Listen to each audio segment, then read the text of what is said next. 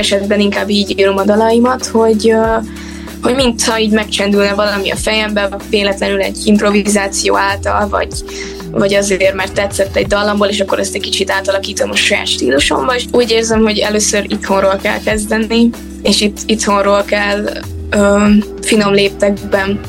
előre haladni, és nem azért, mert nem lesznek olyan lehetőségeim, hogy kimehessek Pestre, vagy esetleg külföldre tanulni, vagy koncertezni. Nem szabad ezeken a szakaszokon így átlépni könnyelműen, hogy ha megnyertem egy műsort, akkor nincs értelme, hogy neki fogja én a tanulmányoknak, mert akkor lehet ebből egy biztos karrier. Én a tanulmányokat abszolút valamilyen szinten előtérbe szeretném helyezni.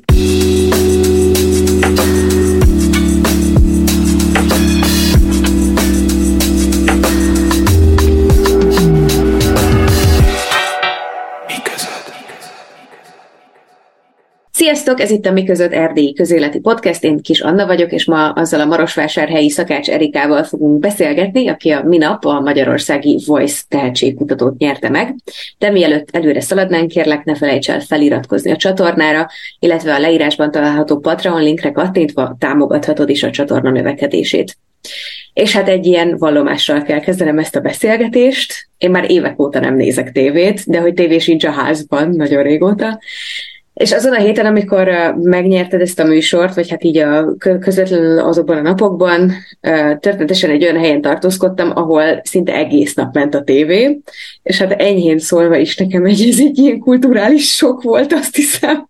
Így, hogy ilyen régóta nem, nem néztem tévét. Ha Román csatorna ment, akkor ilyen politikai kibeszélő műsor, ahol kb. hat ember ilyen hat kicsi rubrikában, és a hetedikben a hírek mentek, és szalagcím alul és szalagcím felül, hogy így azt érezted, hogy így a vizualitással így kinyírják az összes agy sejtedet. Ha magyar adókon volt éppen a tévé, akkor hát ugye az egyik oldalon a migránsok, a Soros Alex, a Brüsszel, a háborúból ki kell maradni, a nemzeti konzultáció, és akkor a, a másik oldalon pedig a reality show, a reality show hátán, táncos műsor, állarcos műsor, énekes műsor, főzős műsor, utazás, párkeresés, boxolás, tehát hogy így hú, soknak éreztem, és hát valahogy így ebben a nagy kavalkádban jött aztán egyszer szembe velem a hír, hogy te nyerted meg a, a Voice tehetségkutatóját, és hát ennek a podcastnek még bőven van hiányossága, és az egyik az az, hogy nem nagyon foglalkozott mostanáig így a popkultúrával, na de hogy akkor úgy döntöttem, hogy ma ezt így kezdjük el bepótolni. Úgyhogy Szakács Erika, üdvözöllek a műsorban, és köszönöm szépen, hogy elfogadtad a meghívásomat. Szia, és én köszönöm a meghívást. Hát nagyon aranyos vagy, hogy így a, elmesélted, hogy az utolsó pillanatban figyeltél fel rám. Egyébként mi sem nézzük a tévét, úgyhogy uh, mi is akkor uh, kezdtünk el tévét nézni, amikor tudtuk, hogy benne leszek a tévében. Jó ürügy. Na hát most már eltelt két-három hét a verseny óta, vagy még annyi sem? Kettő, kettő. Kettő. Most már gondolom egy kicsit így, azért valamennyire kicsit megnyugodtál. Most hogy vagy? Most nagyon jól vagyok, most már tényleg így túllendültem ezen a nyerem, nyeremény utáni sok állapotból, meg így az egész versenynek a lecsengése végre kezdett letisztulni bennem, úgyhogy hát most érzem azt, hogy végre itthon vagyok, teljes nyugodtságban, és neki tudok fogni újra olyan dolgoknak, amik, amiket eddig csináltam, csak ugye most a pihenés átvette a mindennek is a szerepét, Úgyhogy most uh, festegetek itthon, lassan neki fogok tanulgatni, és még amennyit tudok pihenni. Én úgy képzeltem el ezt a beszélgetést, hogy nem is tudom mennyi, vagy 18-19 éves? 18. Igen, na hát akkor így 18 évesen nyomunk egy ilyen életút interjút. Mert hogy visszamennék odáig, hogy mesélj egy kicsit, sok interjútban mondod, hogy ugye több művészeti ágazatba belekostoltál már, és foglalkoztál már velük, de hogy arra vagyok kíváncsi, hogy mi volt az első meghatározó bármelyik művészeti ágazattal való találkozásod, és mi volt az, ami esetleg így nem tudom, így bebizonyította neked, vagy így végérvényesítette azt, hogy neked valami ilyen téren kell elindulni az életben? Én nagyon-nagyon szerettem festeni gyerekkorom óta, és jártam külön foglalkozásokra, ilyen festészeti szakkörre, jártam design szakkörre, mindent ki szerettem volna próbálni, úgyhogy talán még egy-négy osztályos koromban kezdtem el foglalkozni minden művészeti ággal is, mert annyira érdekelt, hogy hogyan, hogyan lehet varni, hogyan lehet festeni, hogy kérdeztem anyukámtól, hogy nem mehetek el, és nem próbálhatom ki, és ők rábólintottak, mert úgy voltak vele, hogy majd döntsem elé, hogy mivel szeretnék foglalkozni, úgyhogy ők teret adtak annak, hogy mindent is kipróbáljak, és hát a sok minden mellett, mert még modern táncot is kipróbáltam, a balettet is, a, a festés fogott meg a legjobban, és Vásárhelyen volt egy úgynevezett pionérház, nem tudom, hogyha még működik, rengeteg ilyen gyerekprogramot tartottak ott, és ott minden héten jártam festeni, és annyira aranyos volt a festészet tanárnőnk, hogy mindig küldte a festményeket versenyekre, meg dicsért, kicsit fejleszgetett, és én egyébként sport suliba jártam, és akkor mivel ennyiszer kaptam pozitív visszajelzést a kis festményeimre és rajzaimra, hogy nagyon jó, nagyon tetszik, nagyon érdekes, itt lehetne ezt fejleszteni, és van tehetség, úgy voltam vele, hogy ötödik osztálytól akkor megpróbálnám a művészetit. Úgyhogy hát ötödik osztályban kerültem be a művészeti liceumba a képzőművészeti szakra, és utána kezdtem el minél többet foglalkozni a festéssel, rajzolással, aztán később jött a színészet is, úgyhogy uh, igazából a kíváncsiságom volt az, ami mindig vezetett a művészeti ágak felé. Úgy, úgy voltam vele, hogy én ki kell próbálja mindig felmosolyogtam, amikor uh, olvastam, meg nézegettem az interjúkat, én is vásárhelyi vagyok, és én is a művészetiben végeztem, és hát uh, én voltam az első generációja a, a kamaszok színtársulatnak. Mennyire összetalál a mi kis életünk? Ének ott kezdődött a kamaszok ifjúsági színtársulatánál, a, egy ilyen kis musicalbe, zenés előadásba kellett énekelni. Hát mondtam, hogy jó, rendben, persze, mert volt egy erős hangom, de annyira ilyen bizonytalan voltam, hogy senki nem gondolta volna, hogy ebből még lehet jövő is akár, úgyhogy igazából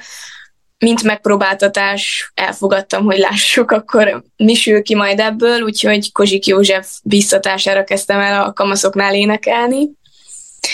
és utána majd a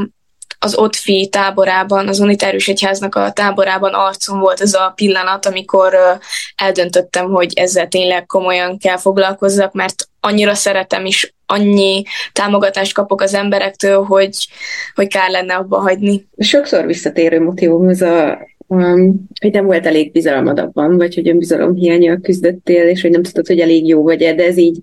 érvényes volt mondjuk a festészetedre is, vagy akár arra, amit mondjuk színjátszón csináltál, tehát hogy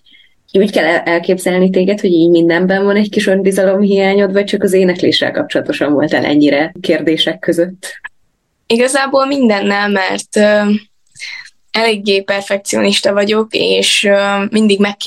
megkérdőjelezem a saját munkámat, azt, azt, amit csinálok, azt, ahogy csinálom. Tehát mindig azt kutatom, hogy hogy lehet ez jobb, vagy hogy lehetne ez jobb, úgyhogy mindig az apró hibákat megkeresgélem, és próbálom kiavítani, úgyhogy szerintem ebből is adódik ez, ez az önbizalmi probléma, hogy soha, soha nem hittem el magamra, hogy én erre képes lennék, és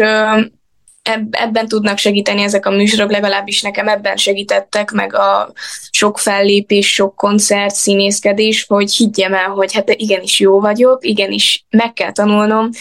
a saját értékeimet hát felfogni, és nem a hátam mögé dobni, hogy hát igen, lehetne még jobb, hanem nem elfogadni, hogy oké, okay, akkor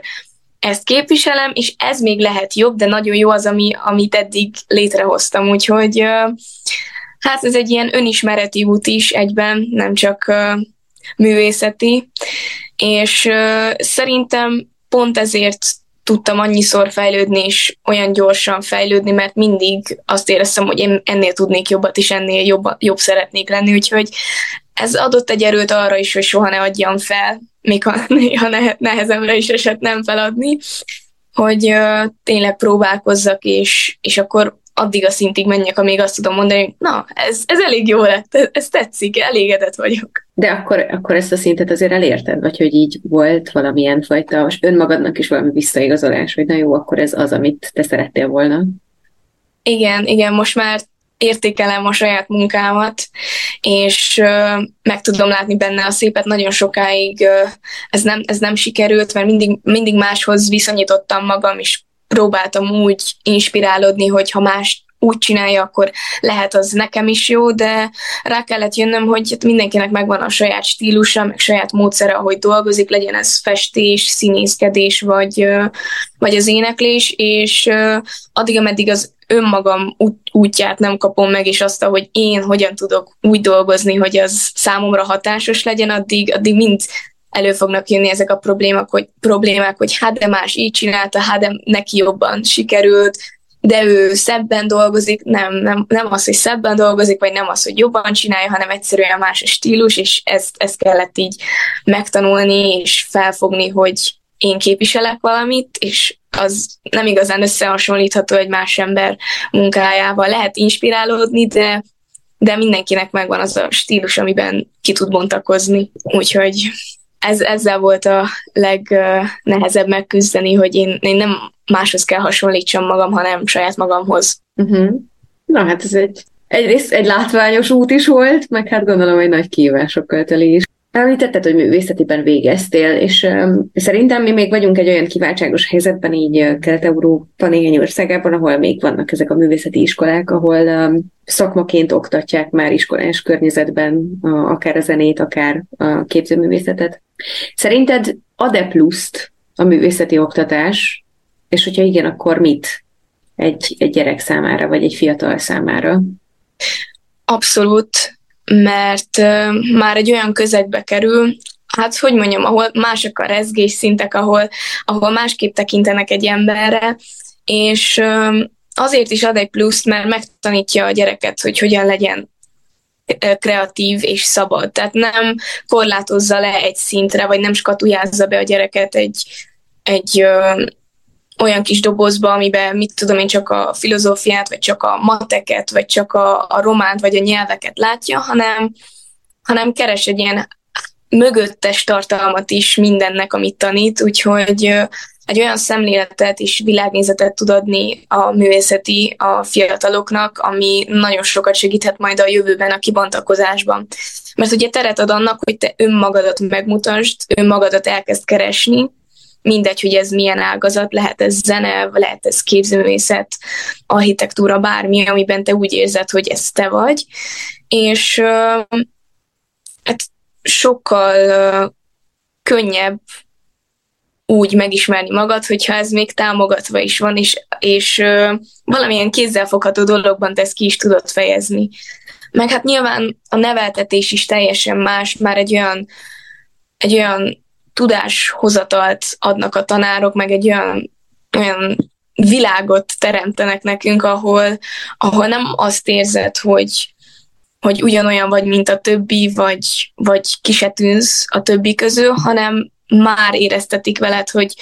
hogy te egy egyén vagy, te egy külön világ vagy, és neked megvan ez a külön világod, és mi ezt akarjuk látni, ezt a külön világot, nem azt, hogy te ugyanolyan vagy, mint bárki más egy, egy személyes teret adnak neked szerintem a művészeti oktatásban. Kis, és bővítik a kis teredet. Uh-huh. Kis világodat. És akkor én talán a tudó a kérdés, hogy és ezt azért ugye látjuk, ezért Erdélynek legtöbb nagyobb városában ugye van művészeti oktatás, és elképesztően sok zenész, képzőművész kerül ki ezekből az iskolákból. De hogy mi történik akkor, amikor tudod, így leérettségizünk, és befejezzük ezt a középiskolai oktatást, és um, kikerülünk a világba, ahol, ahol valamit így kezdenünk kell magunkkal, és uh, hát igen, erre vonatkozólag lenne az a kérdésem, hogy szerinted um, mennyire és hogyan lehet érvényesülni ma művészként, akár zenészként, akár képzőművészként Erdélyben, mert hogy feltételezem, hogy ez azért elég sok szülőnek egy ilyen problémát, vagy hát ilyen gondolkodást, gondolkodni valót ad az, hogy megéri a gyereket művészetibe küldeni, akkor, hogyha nem biztos, hogy meg fog tudni ebből élni, és hát most igazából sokkal inkább gondolok itt akár a képzőművészetre, hiszen zenészként, főleg, hogyha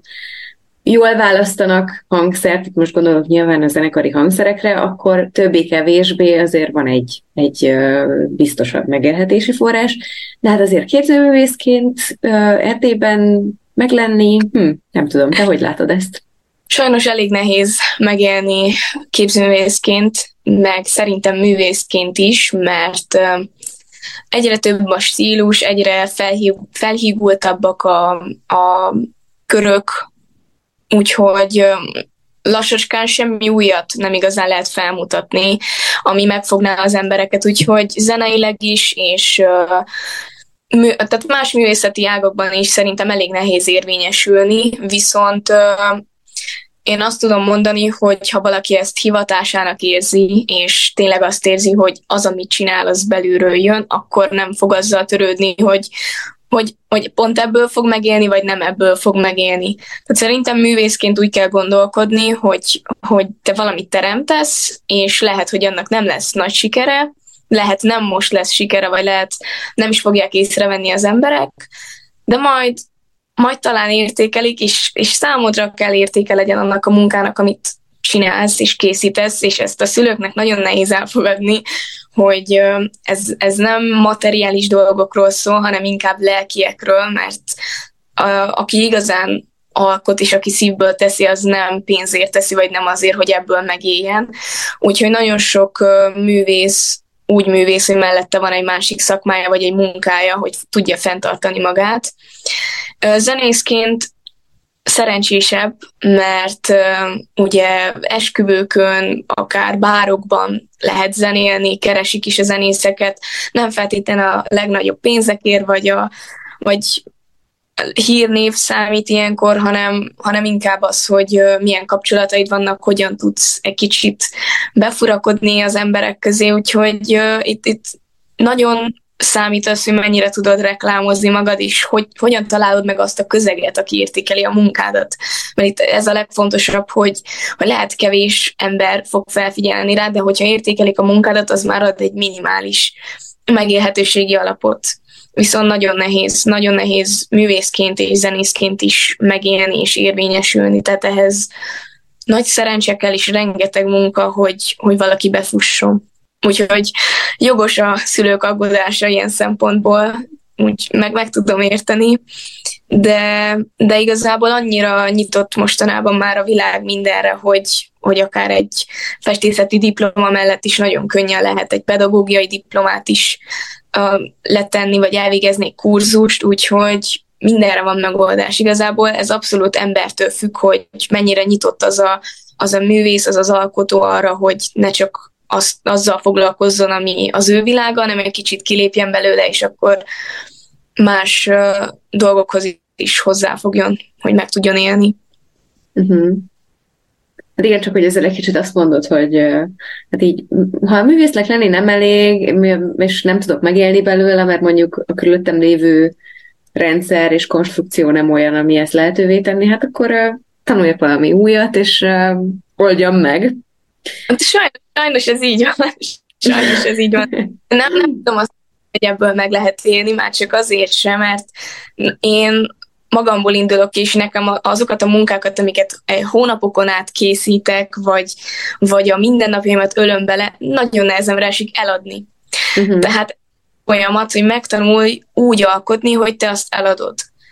Úgyhogy nagyon sokaknak ezért nehéz művészként megélni, mert nem tudja egyszerűen eladni ezt a munkát, amit ő a saját kezével készített, annyira ragaszkodik hozzá. És akkor ilyenkor nem lehet, hogy stagnálsz, és csak készíted a munkákat, és nem tudod eladni, hanem ilyenkor muszáj valami olyasmivel is foglalkozni, ami hozza a biztos anyagi alapot, és akkor mellette csinálhatsz, amit akarsz. Úgyhogy bármennyire szeretném azt mondani, hogy a művészetekből meg lehet élni nagyon könnyen, sajnos nem. sajnos nem de mégis egy plusz, mégis egy hatalmas plusz tud adni egy embernek. És hát ugye, ha jól értettem, akkor a nyereményedből, vagy a nyereményednek egy részéből szeretnél majd egy kiállítást szervezni, volt osztálytársaidnak, iskolatársaidnak, hogy az ő munkáikat, gondolom meg a sajátjaidat is ezen Igen. a tárlaton kiállítani. De hogy ez azért egy kicsit reflektál arra is, hogy, hogy ezt alapvetően szerintem nem Szakács Erika a Voice nyertese kéne saját büdzséből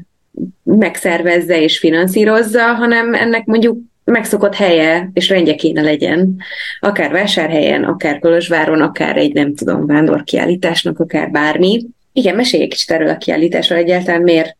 miért gondolod úgy, hogy, hogy erre szeretnéd költeni, vagy hogy hát nyilván nem, nem az összes pénzedet, de hogy egy részét erre költenéd?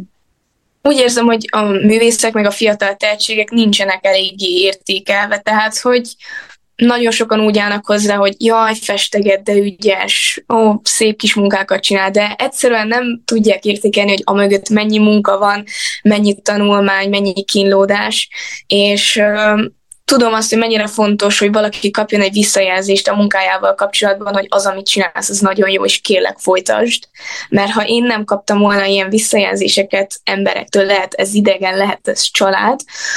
akkor lehet, hogy nem folytattam volna az éneklést, sem a festést. És nagyon fontos az, hogy a világ fele is megmutassuk, hogy igenis van értéke annak a kis művészetnek, amit mi csinálunk, amit a képzőművészek, amit a grafikusok, festők,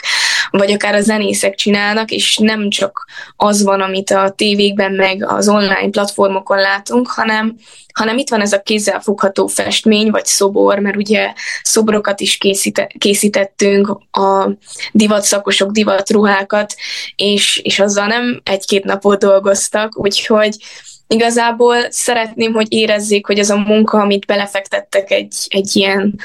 tervbe, vagy egy ilyen munkába, az, az kamatozódjon, és érezzék, hogy, hogy igenis értékelve vannak. És igen, szerintem a legnagyobb baj az, hogy nincs egy rendszeres program, ami támogatná a fiatalokat ebben. És ezért mennek ki sokan külföldre, mert több a, több a lehetőség, talán jobban be tudnak futni, és pont ezt kéne egy kicsit új, újra gondolni, hogy több kulturális programot szervezni fiataloknak, több olyan programot létesíteni, vagy több olyan ö, szervezetet kéne alapítani, ami pont erre koncentrálódik, hogy kiállításokat szervez, vers esteket szervez, zenés esteket tart fiatal zenészeknek, fiatal rajz, ö, rajzművészeknek, grafikusoknak, szobrászoknak, hogy ö, ne csak az iskola kapuin belül lássanak minket az emberek, hanem egy kicsit tudjunk kibontakozni a nagyvilág felé is. És lehet, hogy nem én kéne ezt csináljam, és nem én kéne ezt megszervezzem, de tudom, hogy nekem mennyit jelentett, és ha ezzel segíthetek nekik is, és viszonozhatom a sok biztatást, amit egyébként a barátaimtól is kaptam, akkor, akkor mindenképpen szeretnék egy lépést tenni a felé, hogy hát, ha ez, ez másokban is elindít egy, egy motivációt, hogy akkor indítsunk el egy folyamatot, hogy legy, legyünk értékelve, legyenek értékelve a, a képzőművészek, meg a művészek. Hát végül is, amit, amit te mondasz, az, az, az jobbára arról szól, hogy sok esetben ugye az állam nem hajlandó belépni ezekre a helyszínekre. Ugye a Románia kormányáról elmondható az az, hogy az Európai Unióban a Románia költeleges legkevesebbet kultúrára és a kulturális intézményeire, és ez nyilván befolyásolja nem csak a képzőművészeket, hanem színházattól elkezdve minden-minden múzeumokig, minden más kulturális intézményt. És hát nyilván alapvetően ezt, hogy míg a múlt rendszerben azért jellemző volt az, hogy képzőművészek állami megrendelésre alkottak, igen. És ugye ezeket a, ezeket a munkákat még néha ilyen Isten háta mögötti falvakban fel lehet lelni egy-egy kultúrotthonnak a falán, de hogy ma már ezek teljesen kihaltak, nincsen állami megrendelés egy képzőművésznek, hanem tényleg önmagára van hagyva, és még a művészeti sem tanítanak kulturális menedzsmentet tudtommal, vagy legalábbis amikor én utoljára ott jártam, nem tanítottak. Végül is kikerül a, a diák, aki jobbára mondjuk elmegy és elvégez egy egyetemet is, kikerül a nagyvilágba, hogy ő egy alkotó, de nincsenek feltétlenül szkiljei ahhoz, hogy eladja őket, a, a munkáit, arra mert pedig pénze nincsen, hogy valakit megfizessen, hogy eladja neki a munkáit. És ezen kívül pedig ugye az állam nem vállalja magára azt, hogy például rendszer szinten szervez ilyen jellegű kiállításokat, ahol akár potenciális mecénások körében körbehordja a diákoknak a munkáit, hogy akkor kerüljenek támogatók egy-egy tehetségesebb diák háta mögé. Úgyhogy igen, nekem személyesen ez a probléma így ezzel, ezzel a rendszerrel, hogy, hogy nincs, nincs egy ilyen háló mögötte, vagy egy alatta igazából, ami tudod, így, így alátok nyúlna, vagy akár alánk nyúlna, hogy azt mondaná, jó, akkor itt van ilyen és ilyen és ilyen lehetőséged, és ezeket így és így és így ki lehet használni. Na, nyilván ma már, hogyha valaki nagyon kreatív, akkor ezt azért ki lehet élni, tehát szóval azt gondolom, nem tudom, Instagramot lehet felfuttatni munkáknak, és ott eladni, tehát hogy azért így vannak lehetőségek, kérdés, hogy ezzel tud-e mindenki élni, vagy sem. De hogy elsősorban ez a nagyon problematikus szerintem, hogy, hogy az állam az alapvető, alapvető feladatait, feladatát a kulturális intézményekkel és a, és a művészeti oktatással kapcsolatosan nem teljesíti úgy egészében, ahogy azt kéne. Hát meg egyébként az a probléma, hogy ezáltal, hogy nincsenek kiállítások, nincsenek ilyen rendezvények szervezve, egy fiatal diák nem kap belátást a művészeti közegbe. Tehát gondolok én olyan diákra, aki tegyük fel nem tanult művészetiben, de érdekli a téma, és egyszerűen nem tudja elképzelni, hogy mit alkotnak ott a diákok, hogyan vannak nevelve, hogyan vannak tanítva, és azért az ilyen kiállítások, meg az ilyen rendezvények, ahol tegyük fel egy színdarabot is bemutatnak, vagy pár improvizációs gyakorlat is ö, elhangzódik, eljátszódik, azért az egy olyan kis bevetítést nyújt egy embernek, egy, egy fiatal diáknak abba a szakmába, vagy abba a szakkörbe, amit, amit ott lát, hogy, hogy szerintem erre van szükség ahhoz, hogy valaki el tudja dönteni, hogy, hogy mi is az, ami érdekli, mert lehet engem is érdekelne a festészet, de fogalmam sincs, hogy az iskolában miket festenek, vagy milyen témák vannak, mert nincs, mert nincs kiállítás, mert nem látom, hogy hogyan dolgoznak az iskolában. Úgyhogy ezért is kéne erre hangsúlyt fektetni, hogy olyan diákok, akik nem ebben nevelkedtek, lássák, hogy miről is van szó. Mert ugye hallhatunk ilyen rémtörténeteket, hogy éjjelig festet, reggelig fest, vagy, vagy heteket ül a szobra mellett, var éjjel-nappal, és, és hol a munka? És, és nem, nem, nyúlóan gyakorol. Igen, és a végeredményt nem halljuk, nem halljuk a, a hangoknak az összecsengését, egyfolytában énekel otthon, nem bír magával, és valahol hallom énekelni, vagy valahol látjuk ezeket az embereket kibontakozni. Nem, csak olyan szinten, amit mindenki magának teremtett meg. Úgyhogy uh, itt, itt kezdődnek a problémák, hogy ez nincs eléggé rek, hát reklámozva, és nincs eléggé bemutatva más fiatalok felé is mert aki otthonról nem egy olyan neveltetést kapott, hogy, hogy a művészet az egy nagyon fontos, meg az egy olyan neveltetés, ami szerintem valamilyen szinten mindenki életében egy alap dolog kéne legyen ahhoz, hogy annyira nyitott látókörünk legyen, hogy be tudjunk fogadni mindent, vagy legalábbis olyan dolgot, dolgokat, ami, amire szükségünk van, és ezt tudjuk szelektálni. Ehhez szerintem nagyon nagy szükség van ahhoz, hogy legyen egy művészeti alapunk és ha otthonról nem úgy valaki, hogy ez neveltetéséből adódik, akkor nyilván hozzá se tud szagolni, vagy nem, nem is tudja elképzelni, milyen lehet egy olyan embernek, aki, akinek ez az alap, vagy akin, akinek ez bele van vezetve a mindennapjaiba.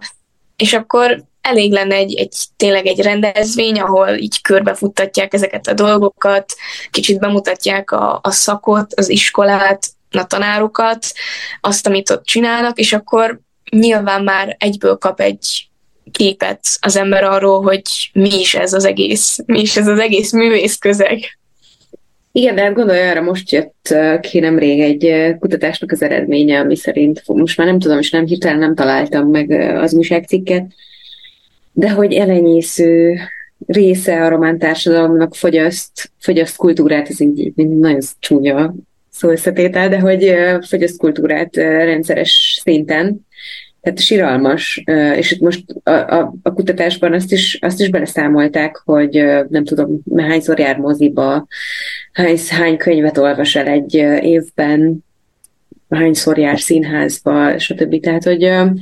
ilyen szempontból mi nagyon, országos szinten nagyon-nagyon rossz helyen állunk, hogy az embereknek nem képezi a mindennapi életének, mindennapi életüknek a részét az, hogy valamilyen kulturális produktumot fogyasszanak, és ez nyilván nem csak attól függ, hogy ők amúgy nem akarnak, vagy őket nem érdekli, hanem ugye nagyon sok esetben nincsen hozzáférésük, vagy nincs erre anyagi lehetőségük. És ez megint egy másik rendszer szintű probléma, hisz rá, de nem szeretnék annyira elmenni oda. Egy kicsit áttérnék talán így a, a voice meg úgy egyáltalán így a tehetségkutatókkal kapcsolatos, nem tudom, ilyen élményeidre, gondolataidra. Ugye 2021-ben voltál az X-faktorban, hogyha jól mondom. Yeah és akkor, akkor nem, nyilat, nem jutottál tovább, és azt nyilatkoztat, hogy hát várnál a következő, a várnál a következő próbálkozással, ameddig egy kicsit szabadabb lesz az életed, és ha jól emlékszem, ameddig majd egyetemre kerülsz, és akkor nyugisabb lesz minden körülötted, és nincsenek iskolai kötöttségek. Hogy, hogy végül is két év telt el azóta, azt hiszem, igen.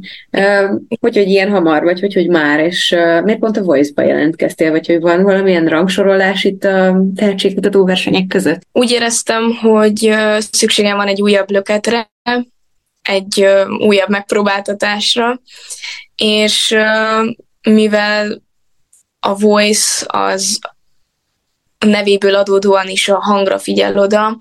meg a hang a lényeg. Gondoltam, hogy hát akkor megpróbálom, mert egyébként kétszer ugyanolyan műsorban nem igazán szeretnék szerepelni. Úgyhogy úgy voltam vele, hogy talán ez egy jó tapasztalat lesz, és egy, egy ilyen sugallatszerűen jelentkeztem erre az, az egész tehetségkutatóra, úgyhogy úgy voltam vele, hogy most, most végeztem el az iskolát, itt a lehetőségem, hogy egyetem előtt, vagy még akkor úgy voltam vele, hogy talán el is kezdem az egyetemet a műsor mellett, attól függ, hogy meddig jutok. Aztán nyilván ez nem jött össze, mert bejutottam az élő műsorba, az élősóba,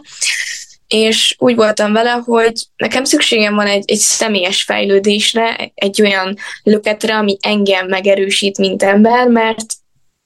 mert azért az iskolában elég kötött programjaink voltak, le voltunk terhelve, ugye az érettség is azért hozzátett a mindennapjainkhoz, főleg azért, mert a művészetében délutáni program van, úgyhogy akármikor nem volt nekem szabad időm énekelgetni, vagy eljárni, koncertezni, úgyhogy ráment az az év a 12-es dolgokra, és ez egy kicsit így kifárasztott, és úgy éreztem, hogy, hogy akkor most, most az idő, hogy egy új, új erőre kapjak, és kicsit fejleszem magam, és az X-faktoros tapasztalatokból tudom, hogy nekem emberileg mennyit tud segíteni egy ilyen műsor. Ezt nagyon nehéz úgy nekiállni, és úgy neki menni egy műsornak, hogy te emberileg kell ott fejlődj, és nem pedig, hát hogy, hogy mondjam, nem, nem úgy kell hozzáállni egy ilyen műsorhoz, hogy feltétlen azért menj oda, mert neked nyerned kell. Hanem az a, én azt tudom mondani, hogy az a legjobb, hogyha úgy mész el oda, hogy egy belátást kapsz a TV műsorba, a TV világba, a kamerák elé állítanak,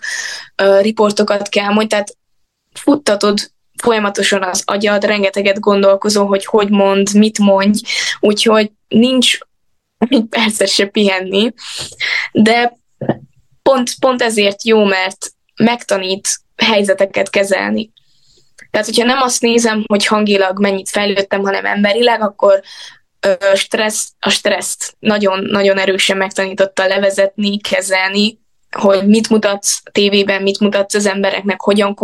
kommunikálsz az emberekkel,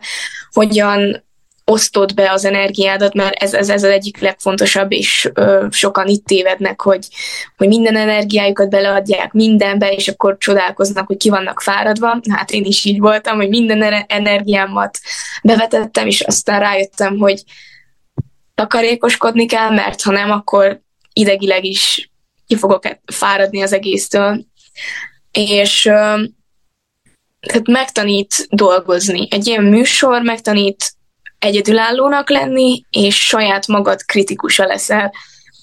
Tehát me- megtanulod úgy értékelni a munkádat, ahogy, ahogy egy külső ember mondaná el neked, hogy ez most nem volt jó, ez most jó, és az a, az a jó abban, hogy te tudod, hogy mire vagy képes, tehát nincs is szükséged olyan emberekre, akik elmondják, hogy hát nem vagy elég jó, hát lehetnél jobb, mert te tudod, hogy meg tudod csinálni,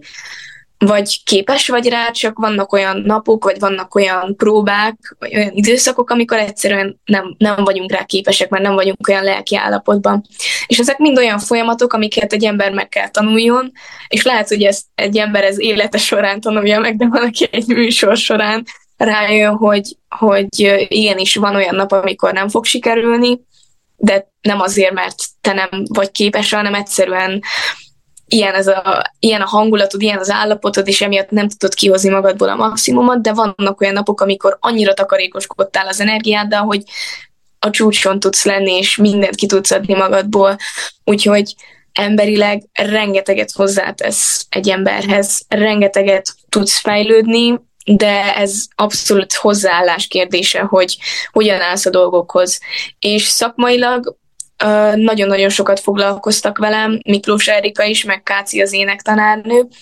úgyhogy szakmailag is olyan technikákat sajátítottam el, és olyan technikákat tanultam meg, ami sokkal jobban könnyíti az éneklést, mert nem igazán jártam én tanárokhoz, egyszer-kétszer volt lehetőségem eljárni, de nem rendszeresen, és nagy segítség tud lenni, amikor elmagyarázzák, hogy hogyan használjam helyesen a testemet az énekléshez. Úgyhogy minden szempontból megerősít egy ilyen műsor, és attól függ, hogy ki hogy érzi magát benne, tehát egy ilyen folyamatban, hogy hogy állt hozzá az egészhez. Mert itt, itt el is mondják, hogy ez nem jó, de el is mondják, hogy jó. Úgyhogy kell tűrni a kritikát, és kell építkezni belőle, mert sokan ezt nem bírják, hogy elmennek egy műsorba, és kapnak negatív kritikákat, vagy kapnak olyan kritikákat, ami egyébként építő jellegű, csak valaki sértve érzi ettől magát, és emiatt nem tud ö, kiszakadni abból az állapotból, vagy abból a, a színből, amit, amit éppen akkor hozott, hanem megsértődik, és akkor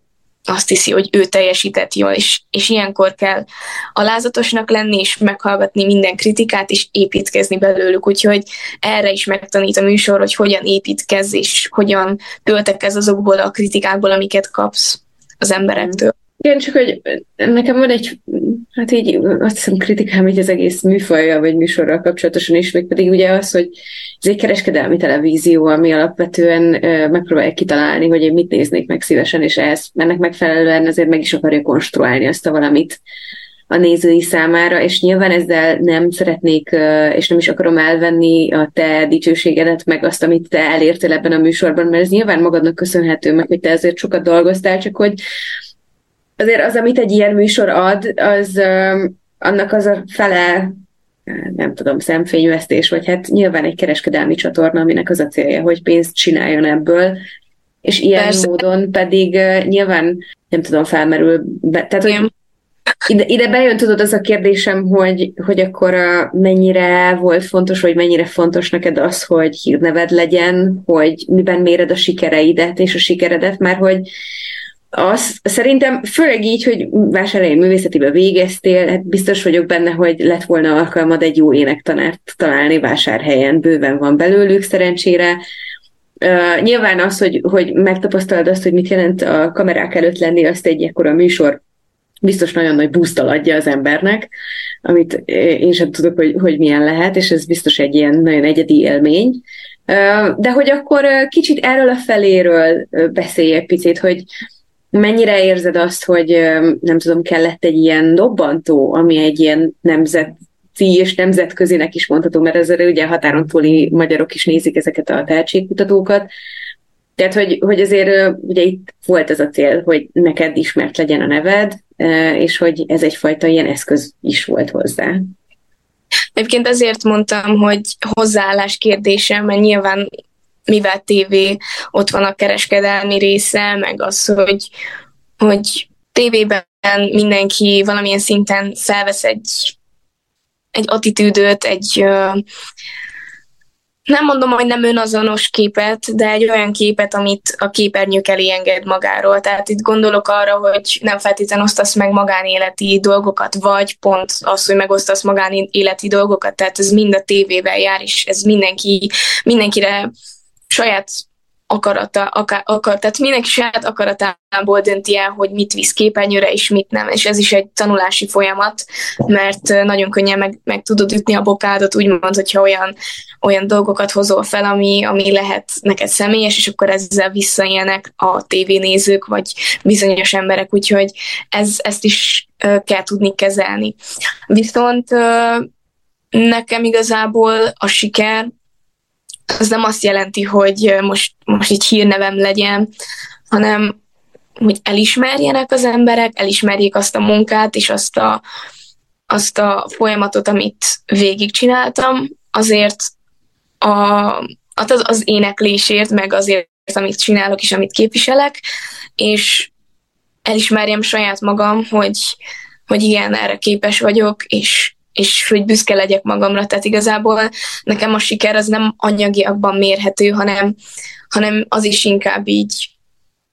lelki dolgok, hogy, hogy, is, hogy érezzem, hogy, hogy a munkám értékelve van, hogy érezzem, hogy, hogy igen, megért ennyit dolgozni valamivel. Úgyhogy számomra igazából ez a siker, amikor, amikor egy dallal meg tudok szólaltatni egy, egy közönséget, legyen az bármilyen kicsi közön, közönség, vagy legyen minimális hallgatósága a dalaimnak, vagy annak, amit énekelek, de, de kapjak olyan visszajelzést, hogy igen, Erika, köszönöm, ezzel, ezzel nekem segített. Tehát, hogy igazából a visszajelzés, a pozitív visszajelzés, vagy az, hogy én magamból tudtam adni valamit az embereknek, nekem ez a, ez a fontos, és ez a, ez a siker, hogyha meg tudom érinteni a közönséget azzal, amit csinálok. Mert szerintem a, egy művésznek ez a legfontosabb, hogy az, amit más nem tud megfogalmazni, abból én adjak. Amit, amit vagy papírra vetek, vagy hangom által jut el a, az emberekhez. Úgyhogy ne,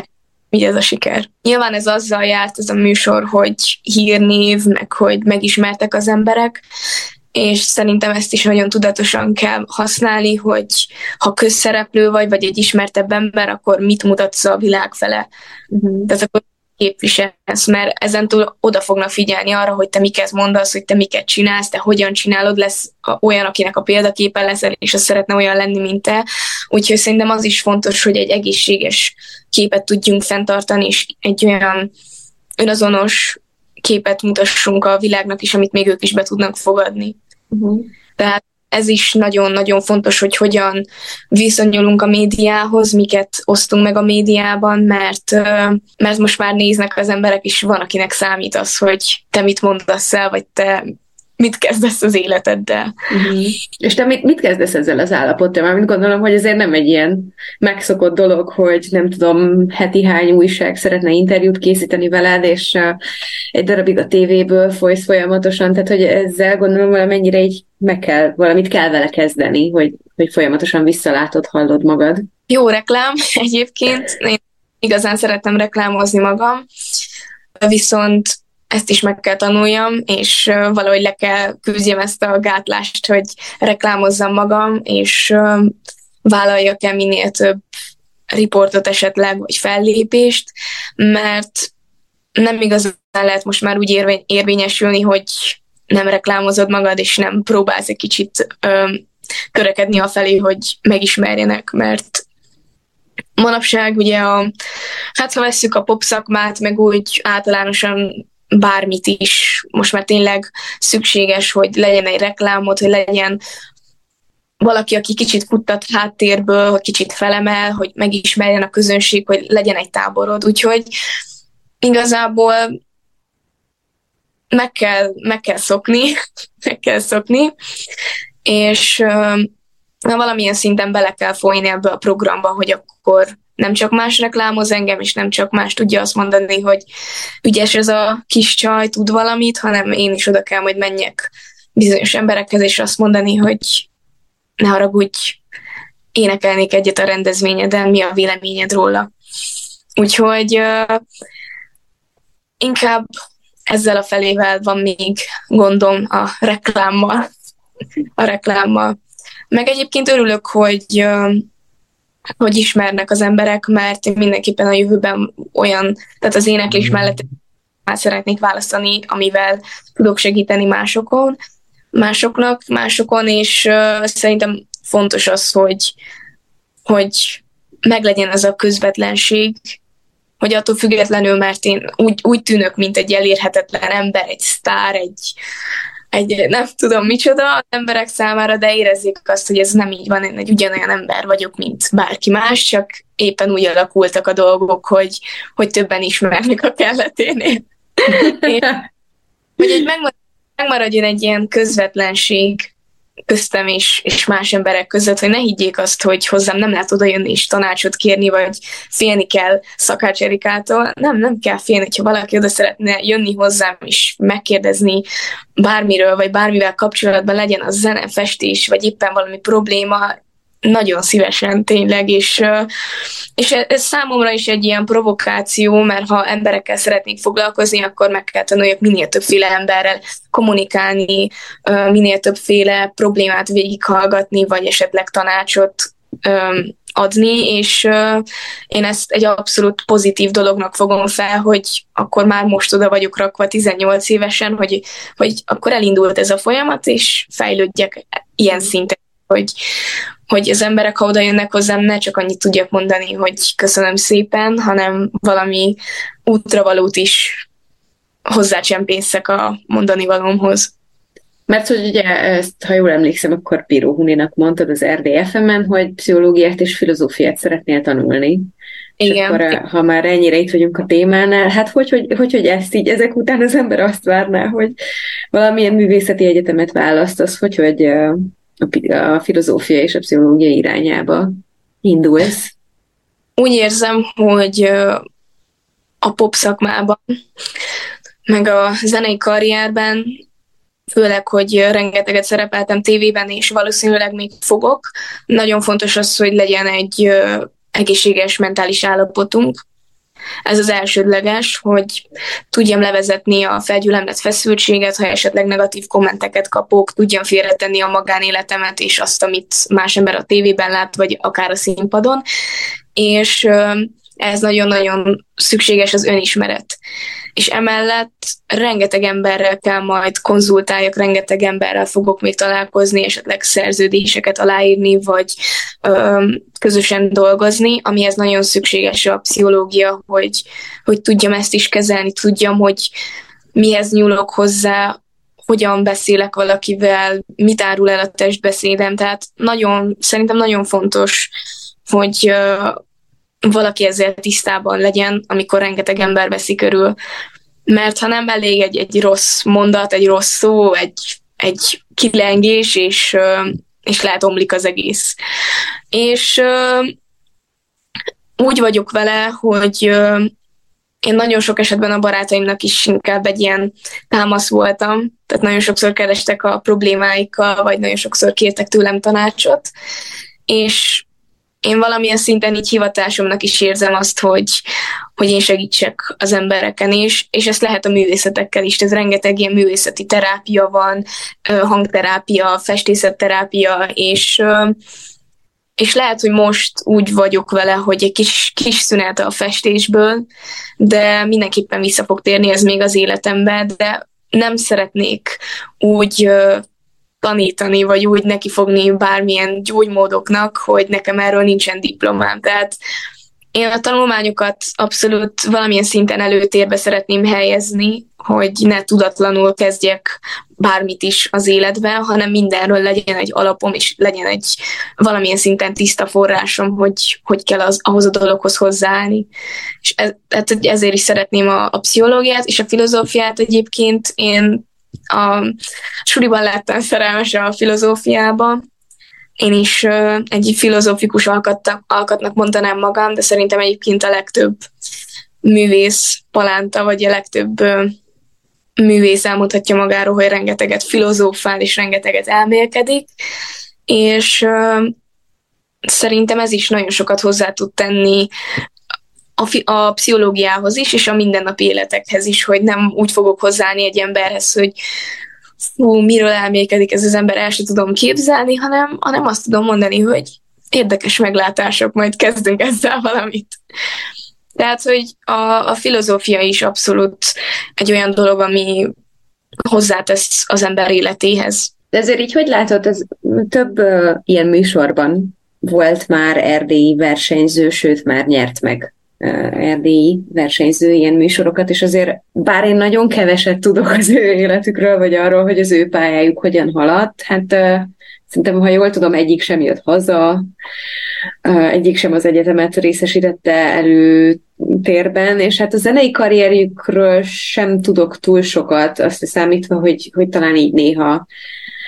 nem tudom, kijönnek egy-egy dallal, de hogy az valahol így nem nagyon éri el, azt hiszem, az én inger köztet. Egyszerűen nem hallgatom én ezeket az előadókat. Van ugye az a, van, van az a réteg, aki egy ilyen dobbantónak használta ezt a műsort, vagy ezeket a műsorokat azért, hogy akkor kiusson Magyarországra, ott tudjon mindenképpen zenei téren uh, érvényesülni,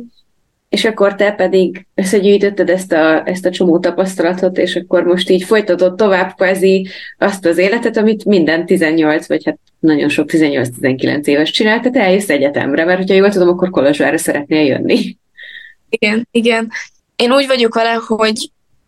az emberek az életében vannak bizonyos szakaszok, amik meghatározzák a fejlődésünket, és ezeket nem szabad feltétlen kiugrani, vagy átugrani.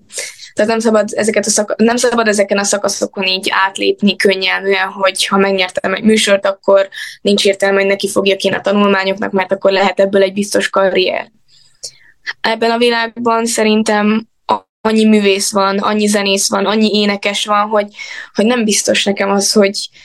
hogy ez egy életre szóló karrier lesz. Lehet, hogy ez csak egy-két évig fog a csúcson lebegni, és utána leesik minimális hallgatóságra. Úgyhogy mindenképpen úgy voltam vele, hogy, hogy én szeretnék tanulni, tehát én szeretnék fejlődni, és, és valahogy összehangolni a kettőt, tehát a, a koncerteket, a zenét, a tanulással is, mert nagyon sokan bele tudnak esni abba a hibába, hogy, hogy nincs értelme elkezdeni az egyetemet ebben az esetben, mert akkor már biztosítva van minden. Nem szerintem pont az nincs biztosítva, amire szükségünk kéne legyen, ahhoz a mindennapi rutinhoz, mindennapi tanuláshoz, ami abban segít minket, hogy előre haladjunk. Tehát, hogyha én nem kezdem el az egyetemet, lehet, hogy tegyük fel, egy nagyon sikeres énekesnő leszek, de bennem egy hiányérzet lesz, hogy, hogy én nem mentem végig ezen, ezen a lépcsőn, ezen az úton, ami, ami így minden fiatalnak ugye legtöbbünknek megvan, megadatott, hogy suli iskolába járjon, utána egyetemre, utána elkezdjen egy karriert dolgozzon az életével, tehát nem szeretném azt kihasználni, oly, tehát hogy mondjam, nem is, hogy kihasználni, hanem, hanem úgy venni, mint egy ilyen kis piros pontos segítség, és akkor előrébb lépjek, mint más, hanem szeretném ugyanazt az utat kiállni, amit más is, és ezzel hozzátenni még a, az énekes karrierhez is. De nekem az életem elképzelhetetlen anélkül, hogy nem menjek egyetemre, hogy kihagyjam az egyetem éveimet. Úgyhogy én, én nem is tudnám másképp elképzelni, ha, ha megnyertem volna a műsort, hanem úgyis úgy voltam vele, hogy minden mellett én ezt, én ezt szeretném csinálni, és egy olyan embernek tartom magam, aki szereti, ha le van terhelve, és mindent is kell csináljon. Úgyhogy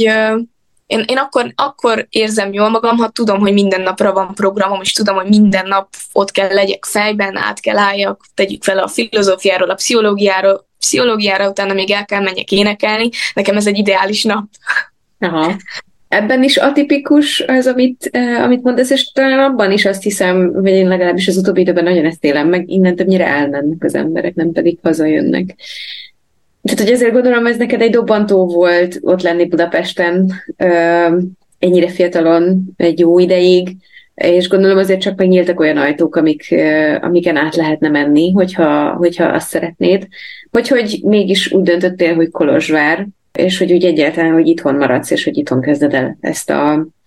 a szakmai, mindenféle szempontból szakmai karrieredet építeni. Úgy érzem, hogy először itthonról kell kezdeni, és itt itthonról kell ö, finom léptekben előre haladni, és nem azért, mert nem lesznek olyan lehetőségeim, hogy kimehessek Pestre, vagy esetleg külföldre tanulni, vagy koncertezni. Ezek teljesen rendben vannak, de annyira kötődöm igazából a, a hazámhoz, meg az otthonomhoz, hogy, hogy egy, ide, egy ideje nem, nem tudtam úgy elképzelni a jövőmet, hogy én ne itthon legyek. Hogy ne itthon legyek. Egyszerűen annyira megihlet az, az itteni környezet, annyira jól esik itthon sétálgatni és itthon lenni, hogy, hogy ezt, ezt nem tudja megadni nekem semmi külföldön, hogy én azt érezzem, hogy itthon vagyok, még ha egy olyan társaságban is vagyok, amit, akiket szeretek, vagy ahol jól érzem magam. Tehát egyszerűen azt, ami itthon van, azt nem, nem tudja pótolni semmi, és szeretném azért is itthon elkezdeni, hogy, hogy igenis lássák az emberek, hogy itthonról is lehet, és itthon is van érték annak, amit csinálunk, csak lehet, hogy nem, nem lesz egyből akkora sikere, vagy nem lesz egyből akkora hírne vannak a dolognak, de apránként fel lehet kicsit ébreszteni a társadalmat, hogy, hogy igenis érdemes ezzel foglalkozni, és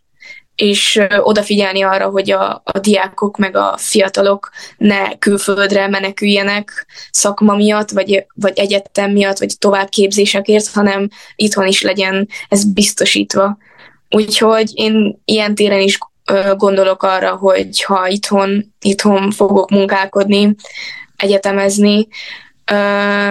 minden mellett próbálok majd bevinni ilyen új dolgokat is az életemben, meg nyilván a, a mindennapjaimban, hogy amit megtanultam Pesten, vagy amit megtanulok külföldön, vagy amit el tudok itt csenni, lopni, az, az bevinni az itthoni környezetbe is, hogy egy kicsit, kicsit így fellendüljön a mi kulturális életünk is. Én inkább, inkább szeretném az itthoniak körében elkezdeni, és minél több itthoni barátot vagy tehetséget bíztatni erre, és esetleg, hogyha hogyha majd tényleg odáig érek, hogy ennyi volt itthon, akkor, akkor, majd, akkor majd külföldön. Uh-huh. És mindezeknek tükrében azon nem gondolkodtál, hogy amúgy román tehetségkutatóba menjél el? Ö, nagyon sokat gondolkoztam ezen, viszont ö, nem érzem azt, hogy teljesen és szépen tudnék románul beszélni, és ö, emiatt nem mentem el román tehetségkutatókba, mert nem, tehát nyelvileg nem tartok még ott, hogy a románok gyors nyelvjárását megértsem. És Aha. azért elég lenne a tévébe egy visszakérdezni, hogy csé, poftici, încă o kicsit lassabban még egyszer. Ezek miatt úgy, úgy voltam vele, hogy majd, amikor elsajátítom a, a nyelvet annyira, hogy majdnem anyanyelvi szinten tudjak beszélni románul, akkor, akkor lehet róla szó. Addig inkább tanulom és fejlesztem magam, mert egyébként én szeretem a román nyelvet, nekem rengeteg román barátom volt, román szomszédok, úgyhogy nem áll távol tőlem, viszont mégis úgy éreztem, hogy ahhoz, hogy, hogy én komfortosan érezzem magam egy román tehetségkutató, vagy egy román versenyben, ahhoz szükséges az, hogy, hogy nagyon jól beszéljem a nyelvet. Jobban, mint a románok. Általában ez az elvárásunk saját magunkkal szemben. Nem is tudom, sok, már sok mindent meséltél arról, hogy így mi az elképzelésed a, a jövővel kapcsolatosan, a jövőddel kapcsolatosan. Most mi a, a, a legközelebbi, nem tudom, így terved, vagy hogy így hogyan fog kinézni az elkövetkezendő fél évet kb. Hát ha lesz időm rá, akkor a sofőrsulit is szeretném elvégezni. Viszont ha ez nem jön össze, akkor Nyilván ez az időszak fog a teljes mértékben a koncertekről szólni, meg a koncertezésről. Most még egy kicsit pihengetek itthon, mert még egy kicsit meg kell érjen ez a műsor utáni állapot, de mindenképpen minél több lehetőséget kihasználni, zenéket írni, zenéket kiadni, és majd nyár elején, igen, nyár elején felhételizni az egyetemre. Tehát, hogy ne, neki fogni így tanulgatni is, hogy már így vezessen be a mindennapjaimba azt, hogy leülök, és akkor egy-két oldalt elolvasok, tanulok, hogy, hogy legyen már egy, egy rutin erre, mert azért, azért szerettem volna kihagyni az egyetemet, mert elvesztődik a, a tanulásvágy, az a rutin, amit az iskola megadott, és nagyon nehéz újra hozzászokni, főleg a, egy ilyen pörgős időszak után, hogy le tudja ülni egy órát és ezzel foglalkozni. Úgyhogy remélem, hogy ez sikerülni fog, hogy napi egy, egy-két óra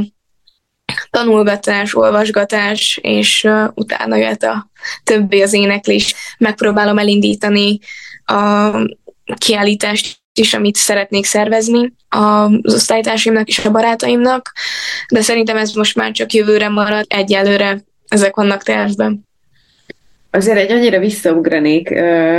hogy említetted, hogy, hogy zenét írni, és én ezt nem tudtam, hogy te írod is a saját zenédet, úgyhogy erről még azért egy kicsit mesélj létszik, mert úgy érzem most így, így a vége fele haladva, hogy így van egy hiányosság ennek a beszélgetésnek, az, hogy így a zenéről magáról nem nagyon beszéltünk. Sajnos nem tudok hangszeren játszani, egy kicsikét elén az akkordokat le tudom pengetni, de, de úgy, mint vokalista, nekem a egy dalnak az írása fejben történik, van, tehát leírom a szöveget, és egyből társul hozzá egy dallam, amit én a zenész barátaimnak esetleg elküldök, és akkor megkérem őket, hogy légy egy, egy zongora alapot, vagy egy gitár alapot nem tudsz kitalálni hozzá, mert azt én nem tudom kitalálni. Úgyhogy általában ez úgy szokott működni, hogy amikor ötletem van dalra, egyből társul egy dallammal. Tehát a szöveg általában jön egy dallam, és akkor ráépül a, a szöveg. Sok esetben inkább így írom a dalaimat, hogy, hogy mintha így megcsendülne valami a fejembe, véletlenül egy improvizáció által, vagy, vagy azért, mert tetszett egy dallamból, és akkor ezt egy kicsit átalakítom a saját stílusomba, és akkor amikor megvan a dallam, utána jön, épül rá a szöveg. Vagy van az az eset, amikor egyszerűen szövegszinten jut eszembe valami, azt leírom, és utána próbálom kitalálni, hogy, hogy a szöveghez milyen, milyen stílusú éneklés találna, vagy hogyan lehetne ezt dinamizálni, ö, kidíszíteni frazírokkal. Csak nyilván ez sokkal nehezebben megy nekem úgy, hogy nincs zenei alapom, és fejből kell kitaláljam, és ez a zenész kollégáimnak is egy kicsit nehéz, hogy én vokalistaként gondolkodom, és nem, nem zeneileg mondom, hogy hogy kéne kinézzen a dal, de, de meg szoktuk oldani, és valahogy csak kisül belőle a kis saját dalocska. De van olyan, hogy tényleg annyit kínlódok ukulelével, hogy pár akkordon meg legyen, hogy legalább ennyivel tudjak segíteni azoknak, akinek, akitől éppen kérek egy alapot, hogy,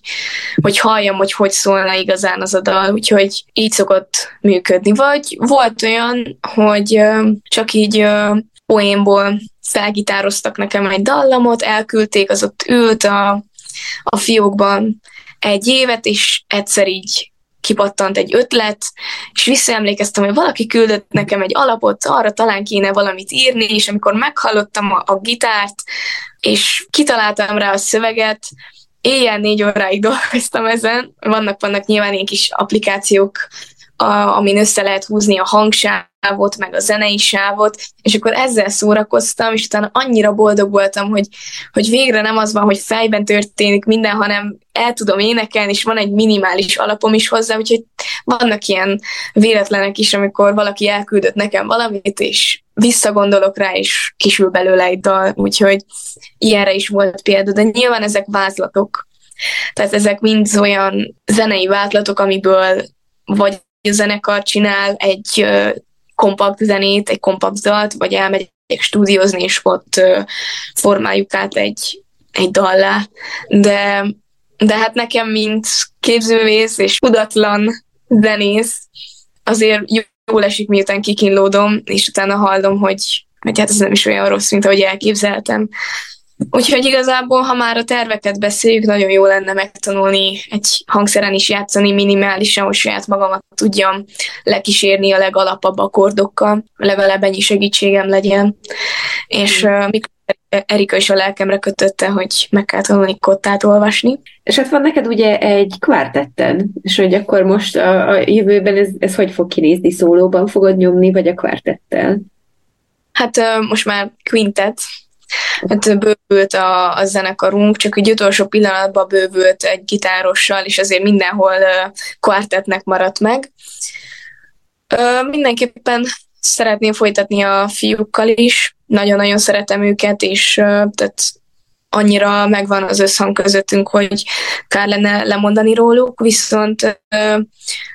még nem tudok mondani semmit arról, vagy azzal kapcsolatban, hogy hogy fogunk továbbiakban zenélni, Úgyhogy egyelőre még így stagnál a dolog, és várjuk, hogy lássuk, hogy hogy alakulnak a dolgok a zenekar életében és az én zenei életemben is. De vagyunk annyira jóba a fiúkkal, hogy bármi történjen, a barátság az megmarad, és biztos össze fogunk még járni zenélni. Mindenképpen reménykedünk abban, hogy ennek még lesz jövője, csak nagyon nehéz összeegyeztetni a próbákat, meg a koncerteket, mert mindegyikünk máshol lakik szerte vagyunk szóródva, és ez az, ami a zenekarunknak nehézséget szokott okozni. Viszont szerintem ezen is majd át tudunk hidalni, és meglátjuk, hogy mi lesz a továbbiakban. A legnagyobb sikereket nektek és neked a továbbiakban, és köszönöm nagyon-nagyon szépen, hogy itt voltál, és hát beszélgethettünk egyet. Én köszönöm a beszélgetést. Köszönöm nagyon szépen. Ez volt a mi között erre a hétre. Ha tetszett az adás, hagyjatok egy kommentet, nyomjatok egy lájkot, és hát, ha minden igaz, akkor találkozunk jövő héten. Addig is minden jót nektek, sziasztok! thank you